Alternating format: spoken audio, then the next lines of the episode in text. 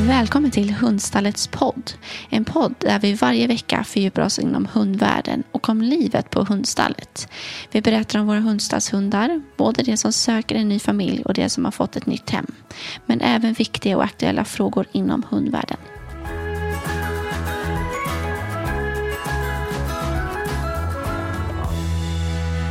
Idag så sitter jag med Carolina Lasses från Hundstallet och Fredrik Sten. Och vi ska prata om sällskapshundar.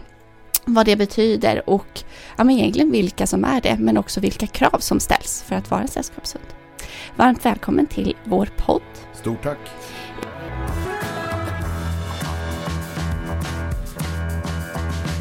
Vi kan väl börja med att du får, Fredrik, presentera dig, vem du är och vad du jobbar med. Oj. Eh, ja, vad ska jag säga? Fredrik Sten heter jag, jobbar med hundar. Eh, ish, så. Ja. Nej, men jag gör ju allt. Jag, jag, eh, allt som har med hundar att göra. Eh, ja, även, även, nu tog du mig lite på sängen. Det är ju trots allt måndag morgon. Men, nej, men alltså jag jobbar med, utbildar hundar, jag utbildar hundägare. Jag specialutbildar en hel del hundar mot olika ändamål. Ja, jag har en egen play-sida där jag försöker utbilda alla hundägare som vill bli utbildade. Vi håller på med eh, tillsammans med Per Jensen eh, ett projekt som heter hundägarcertifiering. Ja, det är hund, hund, hund. Mm. Bara hund. Allt ja. inom hund. Och imorgon ska jag vara besiktningsman på eh, specialsök, alltså narkotika. Och, så det, är liksom, det spänner verkligen från eh, ja, super professionell verksamhet till vanliga sällskapshundar. Mm. Så jag håller på med allt. Mm. Hur dumt det än låter. Ja, men det låter kul.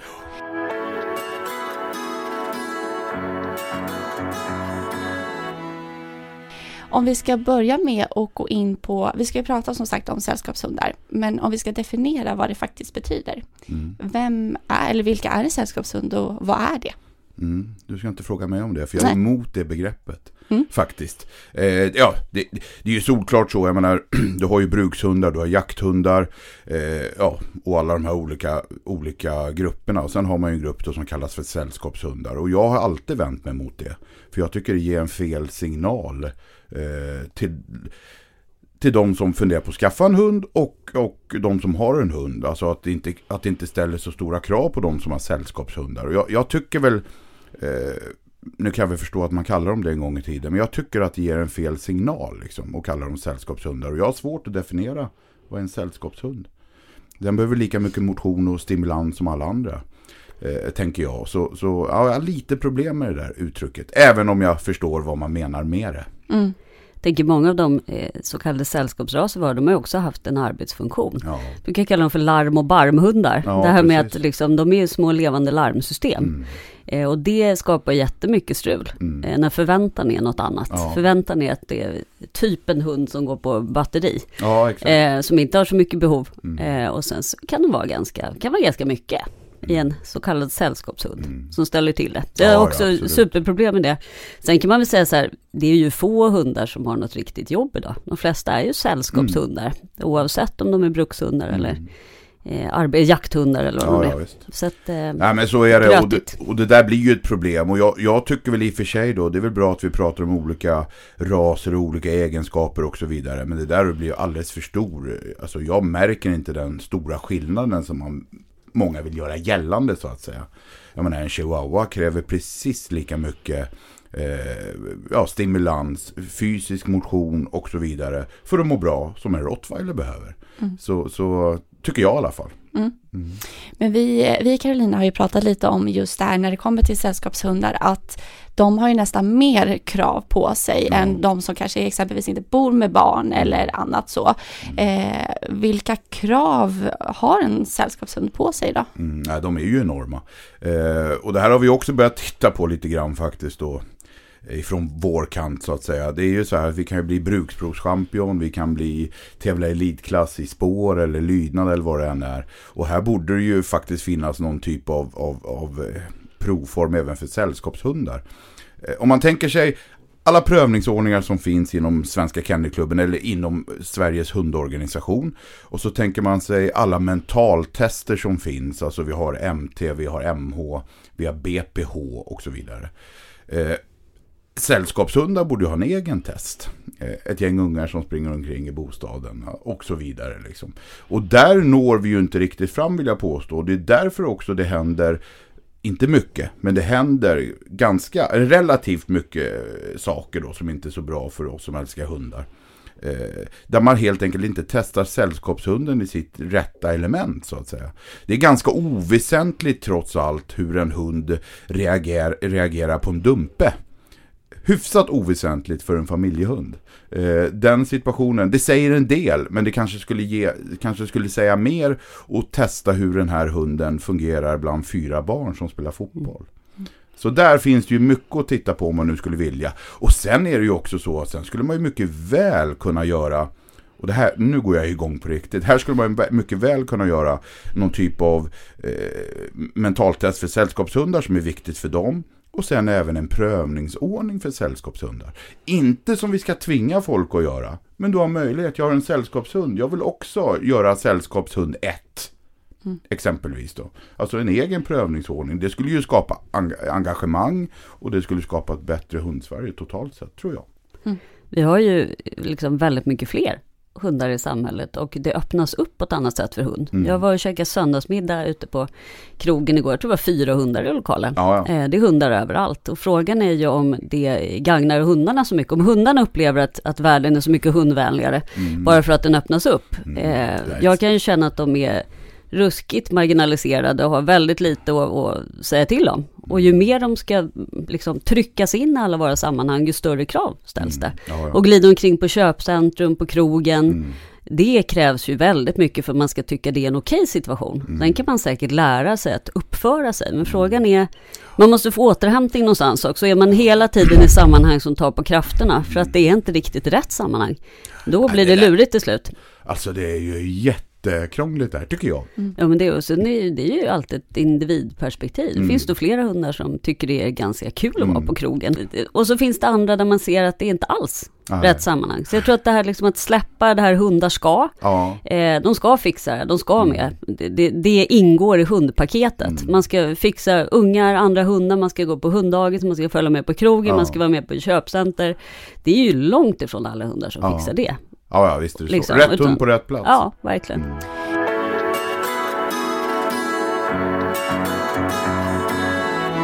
Vi pratade också om det förut, just hundars rättigheter mm. och att man ska lyssna på hundens signaler. Mm. För det kanske är en sån grej som flera missar i, när det kommer just till sällskapshundar, att det är många barn i huset, mm. det händer mycket, sen är även hunden där och att man inte riktigt lyssnar på vad hunden faktiskt säger. Mm.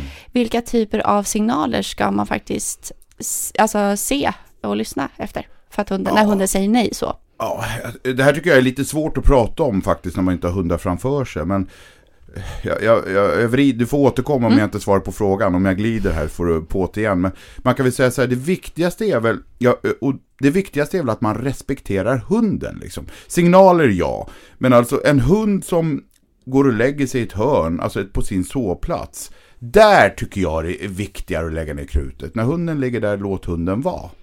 Sen kan man ju fråga sig då när hunden är med i en leksituation. Vad är det för mm. signaler vi ska titta på där? Jag menar, leken eskalerar. Det gör det ju även du, om du och jag skulle skojbråka. Så blir vi hårdhäntare och hårdhäntare. Och rätt nej nu gjorde du för hårt och så vidare. Alltså, här är ju också, nu känner jag mig som världens sämsta hundexpert, jag har inga bra svar. Men alltså vilka signaler, ja du, den är ju svår alltså att sitta och prata om så här. Men framförallt tror jag det är det att, att man verkligen har en ärlig eh, respekt mot hunden och, och vice versa givetvis. Men att man liksom har, man läser av hunden på så sätt, vill hunden vara i fred? Exempel, enkelt, man går inte fram till en hund som vilar. Eh, I sådana fall får man locka på hunden. Och så vill hunden vara med så får den vara med. Och då, då är det ju ofta inte problem så att säga. Ja, nu svamlar jag på här. Jag skyller på måndag morgon. ja.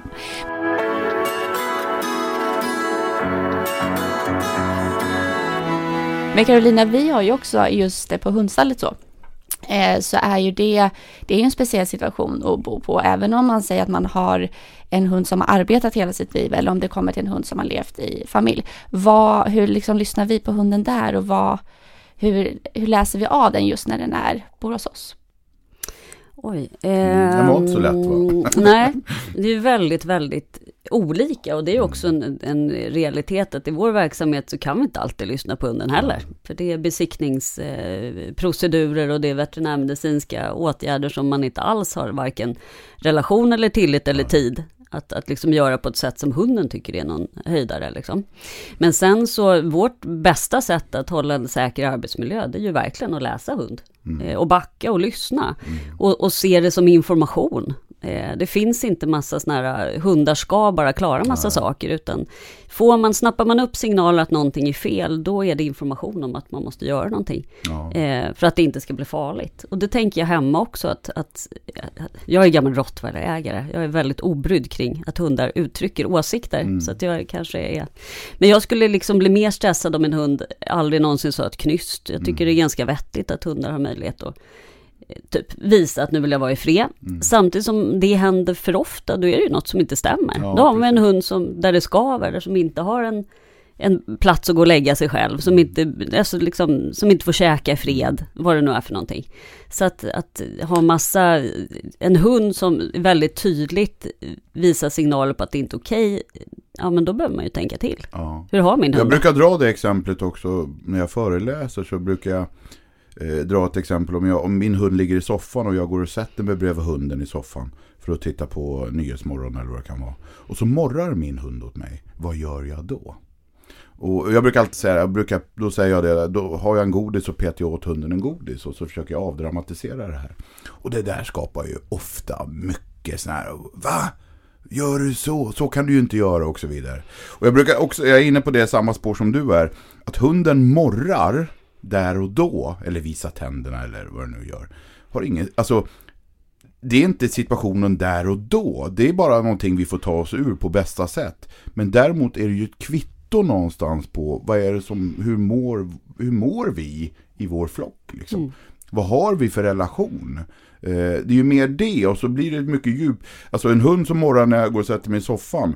Det löser jag inte när jag går och sätter mig i soffan. Och det är ju där man ofta hamnar, utan då är det ju på helt andra, ja, vi har, det är någonting som skaver helt enkelt. Som man måste fixa kanske på ett eh, bättre och lugnare sätt. Mm. Ja, det är intressant. Svårt är det. Och ju mer man pratar om det, desto bökigare blir det. Mm. Det är väl bra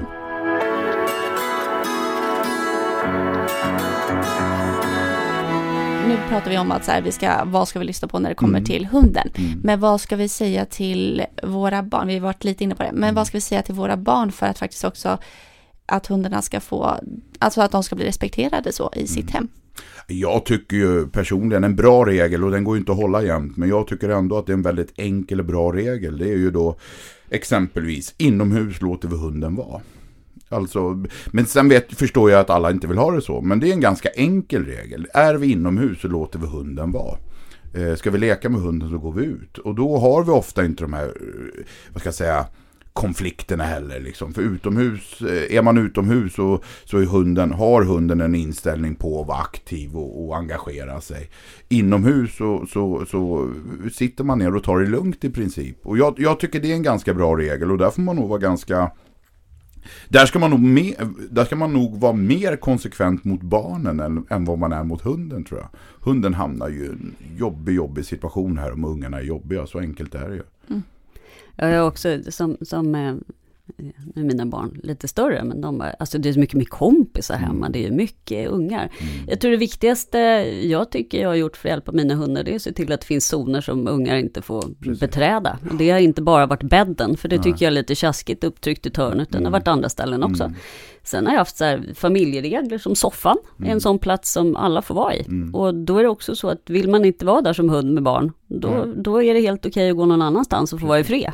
Men man får inte ta över liksom ställen så det blir läskigt hemma. och det, men jag har helt med dig att det handlar ju om att skydda hunden mot barn. Ja. Säger jag som älskar barn ja. också. Men, men det är så. De behöver liksom veta att man, man, eh, man kramas inte, man ja. tar inte saker, man stör inte när någon käkar.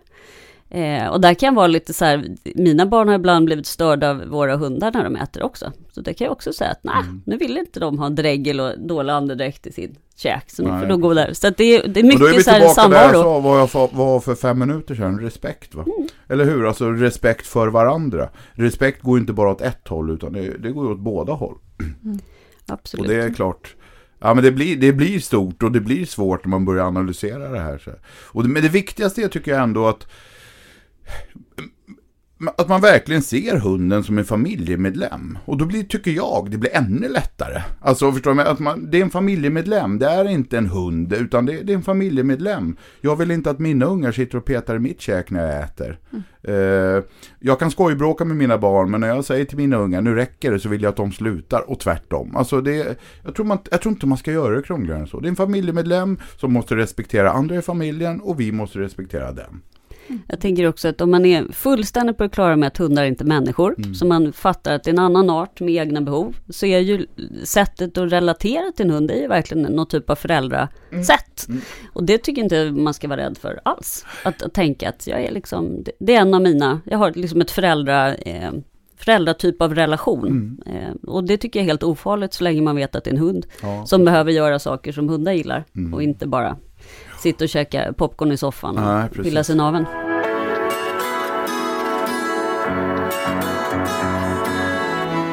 Det, jag tänker just under pandemin och efter så har det ju blivit eh, många fler hundar i samhället. Om man tittar eh, en tid bakåt och nu, jag tänker just när det kommer till hundars rättigheter, mm. hur, hur har det förändrats lite? Vi var inne på det just att de kanske ska klara mer. Mm. Eh, men hur ser det ut liksom för hunden i samhället idag? Det är både och. Eh, vill jag nog påstå. Alltså, det, det, det, alltså det här är jätte... Jag, återigen, jag känner mig lite eh, dum här. Men det, alltså det beror ju på liksom. Det finns ju hundar som vi var inne på som faktiskt älskar att vara med jämt.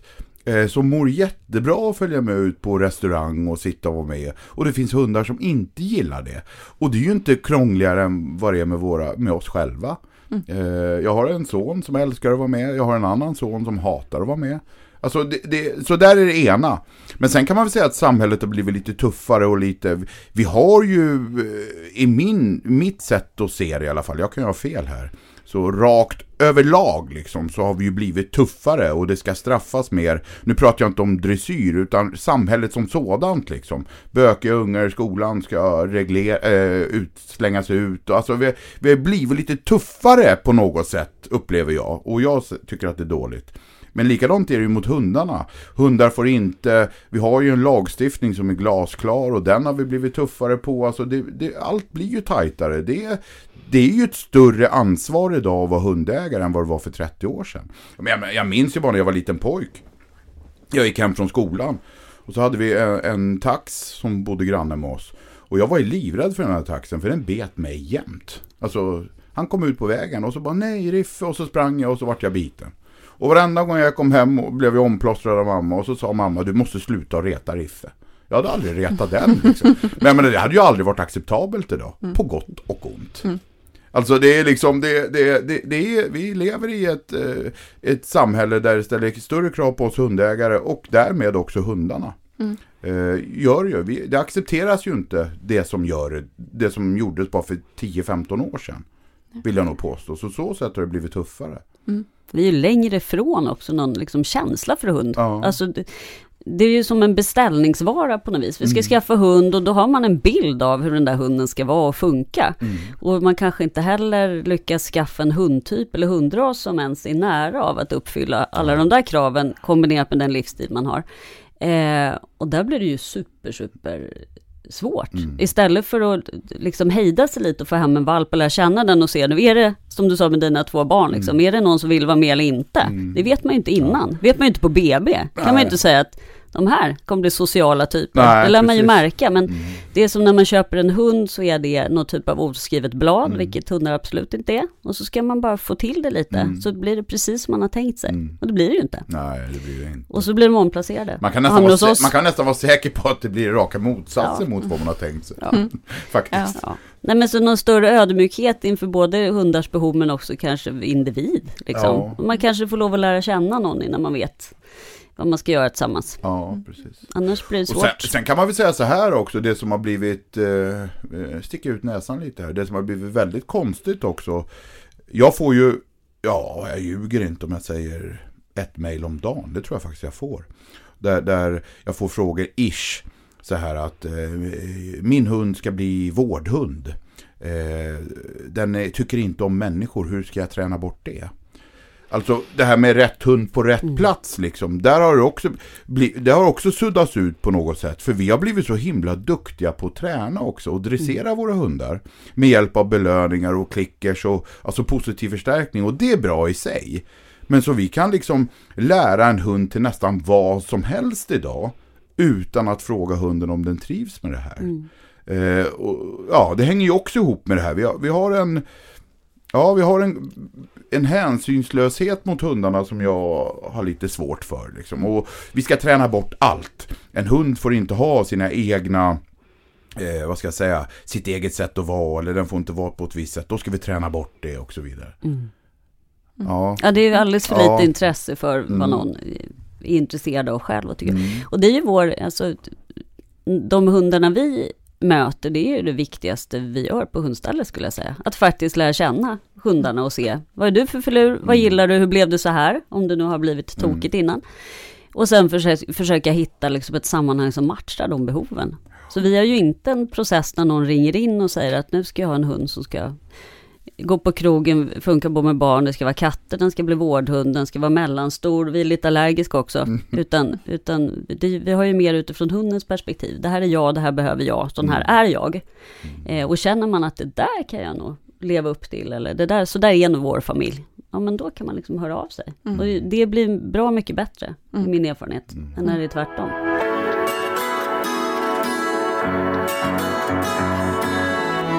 Jag tänker en helt annan sak, men som faktiskt har varit eh, mycket diskussioner om och som handlar just om, vi pratar ju om att äga hund och vad man ska tänka på, eh, men också vilket typ av ansvar man har mm. när man äger hund. Eh, det var ju den här diskussionen om farliga hundar, mm. eller så kallade farliga hundar. Vad är eran åsikt kring den diskussionen och vad som har pratats om? Och jag har ju varit väldigt engagerad i det här, alltså i, i media. Jag, det här är ju liksom, man ska ha klart för mig, eller oss, för att jag har blivit så gammal, så det här är min tredje vända. När det gäller, eh, alltså, på gränsen till att hundar blir förbjudna. Första vändan jag var med om, det var ju på en tidigt 90-tal. Eh, då var det ju inte långt borta alls alltså. För då var det ju på en väldigt hög nivå i regeringen man diskuterade det här. Och man skulle också då på den tiden gå in och förbjuda skydds, eh, civil skyddsdressyr och så vidare. Det var första vändan. Och då infördes det här med skyddslicensen. Det var ju ett grepp då, Svenska Brukshundsklubben. Det var faktiskt jag, Bosse Nyman, Staffan Nordin som drev det här. För att skydda vår egen verksamhet liksom. Vi är seriösa, ta inte bort eh, det vi gör. Så det var första vändan. Eh, och sen har det varit en vända till däremellan. Det har ju varit småvänder hela tiden. Och nu då så känner jag väl eh, jag brukar säga det här är tredje vågen så att säga. Nu känner jag också att nu är det lite grann på allvar faktiskt vill jag nog påstå. För folk är less på det här. Eh, det är en utredning tillsatt nu som ska titta på det här och sådär. Eh, jag tycker det här är olyckligt, det är allvarligt. Däremot så är de ju helt ute och cyklar i, i, i, när vi pratar om rasförbud. För hur ska det ens gå till? Eh, jag menar, ta, ta som i England nu. Nu är det ju så att de här vissa raser då, eller blandraser, kalla det vad du vill. Eh, XL-bulle exempelvis ska bli förbjudna då efter årsskiftet tror jag det är. Och då är det så här, ja men hur vet man om det är en XL-bulle? Det räcker med att det ser ut som en XL-bulle. Alltså, mm. det räcker med att det ser ut som en XL. Det är Englands inställning till det här. Ja, då ligger vi ju väldigt risigt till. För jag hade ju en hund en gång i tiden som, jag brukar säga det var Sveriges första pitbull. Eh, det var en blandning mellan schäfer och boxer. Mm. och det, alltså det ser ut som en pitbull. Mm.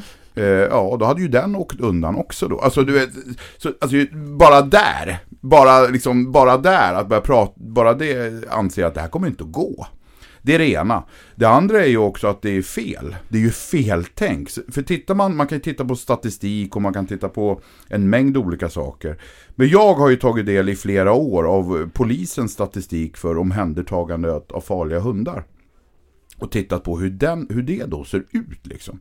Och då visar det sig tydligt att ungefär 70% av hundar som omhändertas då för att de är farliga är ju oregistrerade snedstreck blandraser. 70%. Ville man då från politikernas sida på riktigt göra skillnad, ja då skulle, man, då skulle det vara oregistrerade och blandraser vi skulle titta på.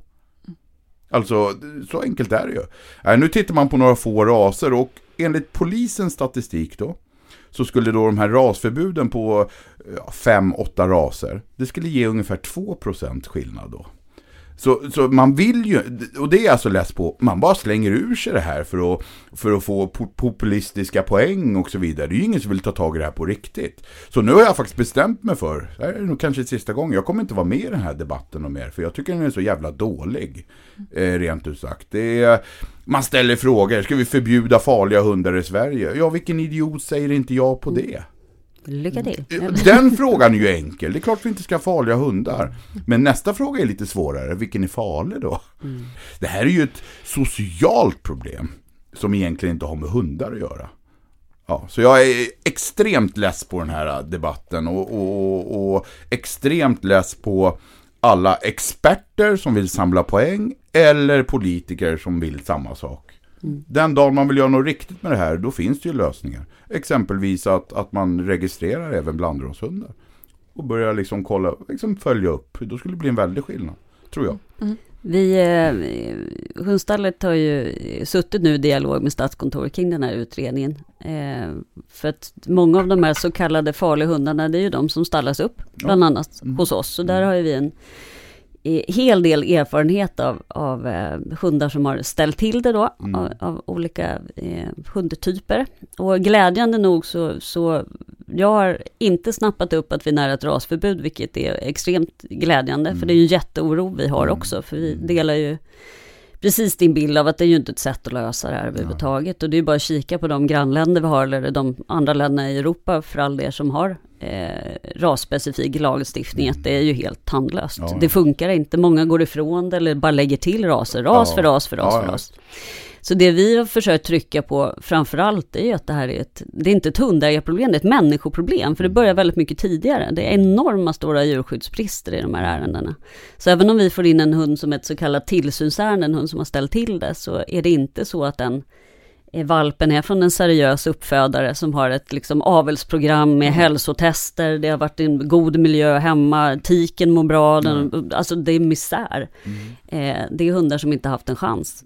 Precis. Och de är dessutom väldigt, väldigt sjuka. Jag kan säga att det är en, en otroligt obehaglig eh, statistik på mm. hur det ser ut med allt från allergier till andning, men framförallt kanske eh, rörelseapparaten. Mm. Så det är liksom, det är fel överallt. Ja, det. Och det är där, ja, som du säger, det finns mycket vettigare lösningar. Eh, uppföda licens för ja. alla, till exempel, Precis. inte bara SKK-registrerade hundar delar också din upplevelse att det är ju inte direkt om eh, hundarna med, med stamtavla där det finns ett gediget avelsarbete mm. bakom som tillhör någon av de liksom historiska campusraserna som mm. vi har problem med. Utan det är ju, det är ju ja, det är, blandraser. Precis, eh. och, och, det beror ju inte, vill jag säga det beror inte på att blandraser är dåliga, Nej. det är inte det. Utan det beror på att Sitter jag i en lägenhet någonstans och vill vara ball med min hund, ja. då blir det blandras. Mm. Alltså det, det, är ju där problemet ligger liksom. Så det är ju inte blandrasen i sig som jag är, emot.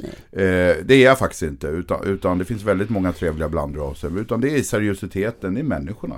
Så enkelt är det. Absolut. Mm. Och det, jag vet inte hur många American Bullies vi har. Det Nej. spännande är att pitbulls har försvunnit. Ja. Eh, de gick upp i rök ja. när bullisarna kom. Så ja. det är ju fortfarande liksom, jag eh, har en kollega som brukar kalla dem för shitbulls. Jag tycker det är väldigt bra. Det, det är ju en, en, liksom, en mischmasch av allt möjligt.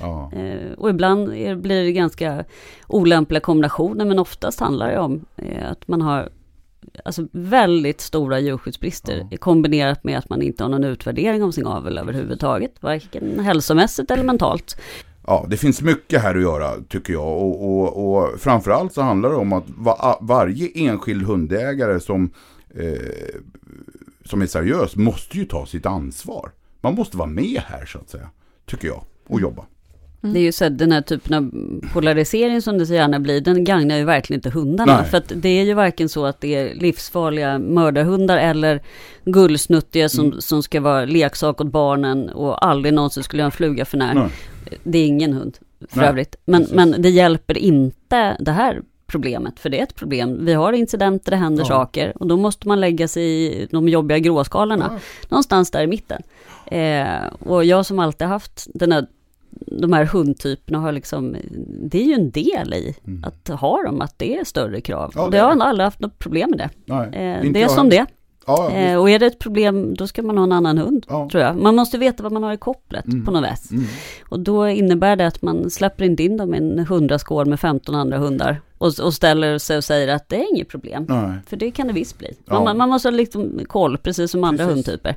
Men det här att låtsas som att det är att alla är nanny dog som aldrig mm. skulle en flyga för när, så är det inte. Och Nej. det som händer där, det är ju att det blir problem för hundarna. Det, tillsynsärende är ju just det. Det är mm. ju någon som har försatt sin hund i en situation den inte reder ut. Mm. Det är ju det som är, har hänt. Liksom. Mm. Jag har låtit min hund hamna i en situation, i ett sammanhang, där den har löst det ja. på bästa sätt utifrån givna förutsättningar. Ja. Och så har det blivit strul. Liksom. Och det är det som är att ta ansvar för sin hund. Ja. Man ska inte försätta hundar i den sitsen. Eh, och, och återigen, måste verkligen understryka att de här tillsynsärendena med den här hundtypen, det är djurskyddsmisär. Och det ska man komma ihåg. Mm. Det hör ihop. Och det har känts väldigt bra att kunna mm. eh, trycka på det i dialog med mm. Statskontoret, att det är snarare tillämpningen av djurskyddslagen och tillsynslagen som behöver bli bättre. Mm. Eh, vi har ganska schysst lagstiftning, men vi måste mm. liksom eh, använda den på rätt sätt. Ja, precis. Mm. Ja, men det handlar väl om att eh, hundar ska få rätt förutsättningar för att faktiskt få vara hund.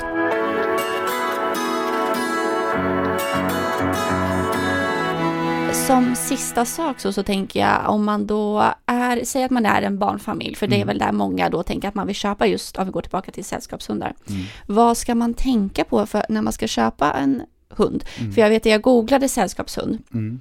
Och då kommer det inget upp alls om så här, tänk på just det här det vi har pratat om, att så här, man ska lyssna på hunden, vilka krav ställs det på hund att vara mm. just i den miljön. Utan det är mycket så här, ja men de här raserna funkar. Mm. Eh, utan att faktiskt tänka med vad behöver de här hundarna? Mm. Eh, och vad är de avlade till och liknande. Vad, vad ska man tänka på när det kommer just till att köpa en hund som ska förhoppningsvis kanske må bra då i, i en sån miljö. Mm, nej, alltså det första, nu är jag ju lite jävig där i och med att jag är med, men det första man tycker jag man ska göra ihop med sin familj är ju utbilda sig.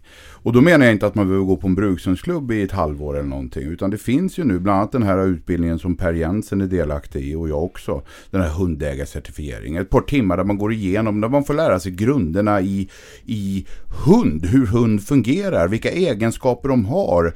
Eh, bara det att en hund inte kan vara snäll eller elak. Går ju, eh, pratar pratar ju Per Jensen om. Det är bara det liksom. För det tror ju många. Nej men den här hunden är så snäll. Nej den här hunden är lite elakare.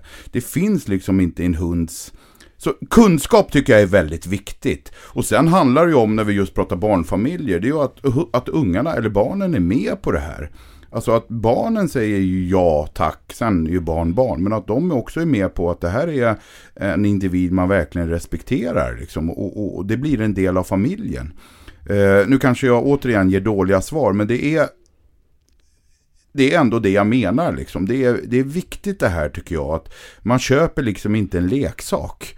Eh, vilket många tror. Och jag, menar, jag hör ju ofta så här att ja, men har du barnfamilj ska du köpa en labrador. Ja, eh, och det är väl en bra. Jag gillar ju labradorer, det är en jättebra ras. Men det behövs ju inte. Du kan ha en rottweiler som barnfamilj också.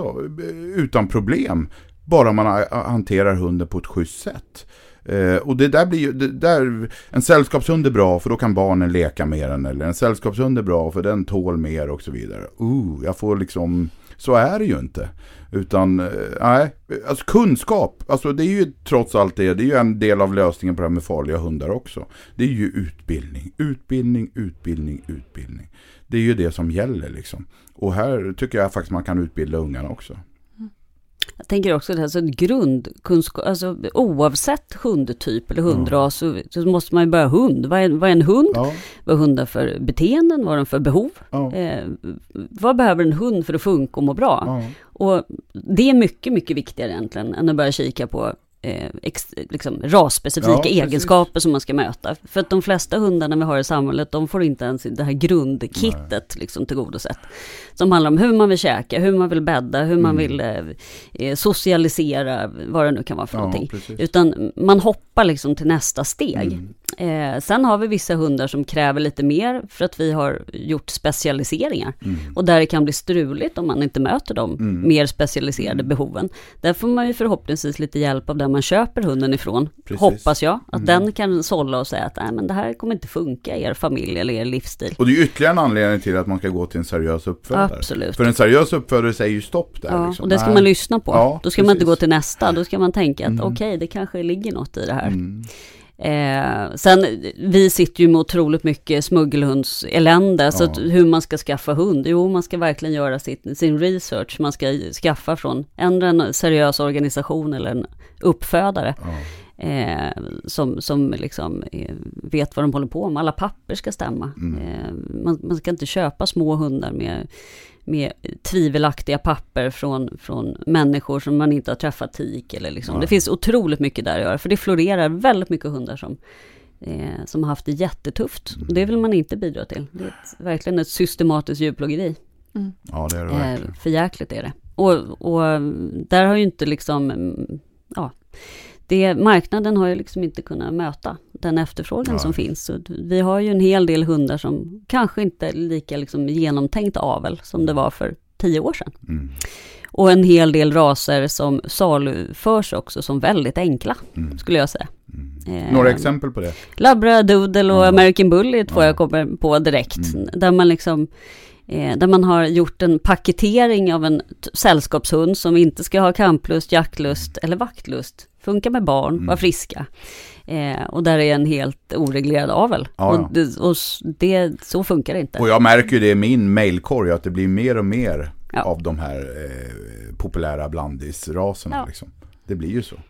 De, och där man, ja. de kommer ju inte undan eh, alla andra. Alltså blir en blandis populär och den mm. blir större och större, då får de samma problem som eh, rashundar får. Liksom. Det är ju bara så. Ja, och sen finns det heller ingen liksom det finns ingen hälsostatistik, Nej. det finns ingen uppföljning. Så att det, det har blivit ganska olyckligt här och där. Mm. Och det är ju hundarna som får liksom lida för det. Mm. Och det händer saker. Mm. Mm. Mm. Ja, viktiga, viktiga ämnen och mycket liksom som man ska tänka på och tänka just när man mm. köper, vill köpa hund. Stort tack både Carolina och Fredrik för att ni var med och pratade om våra hundar. Stort tack.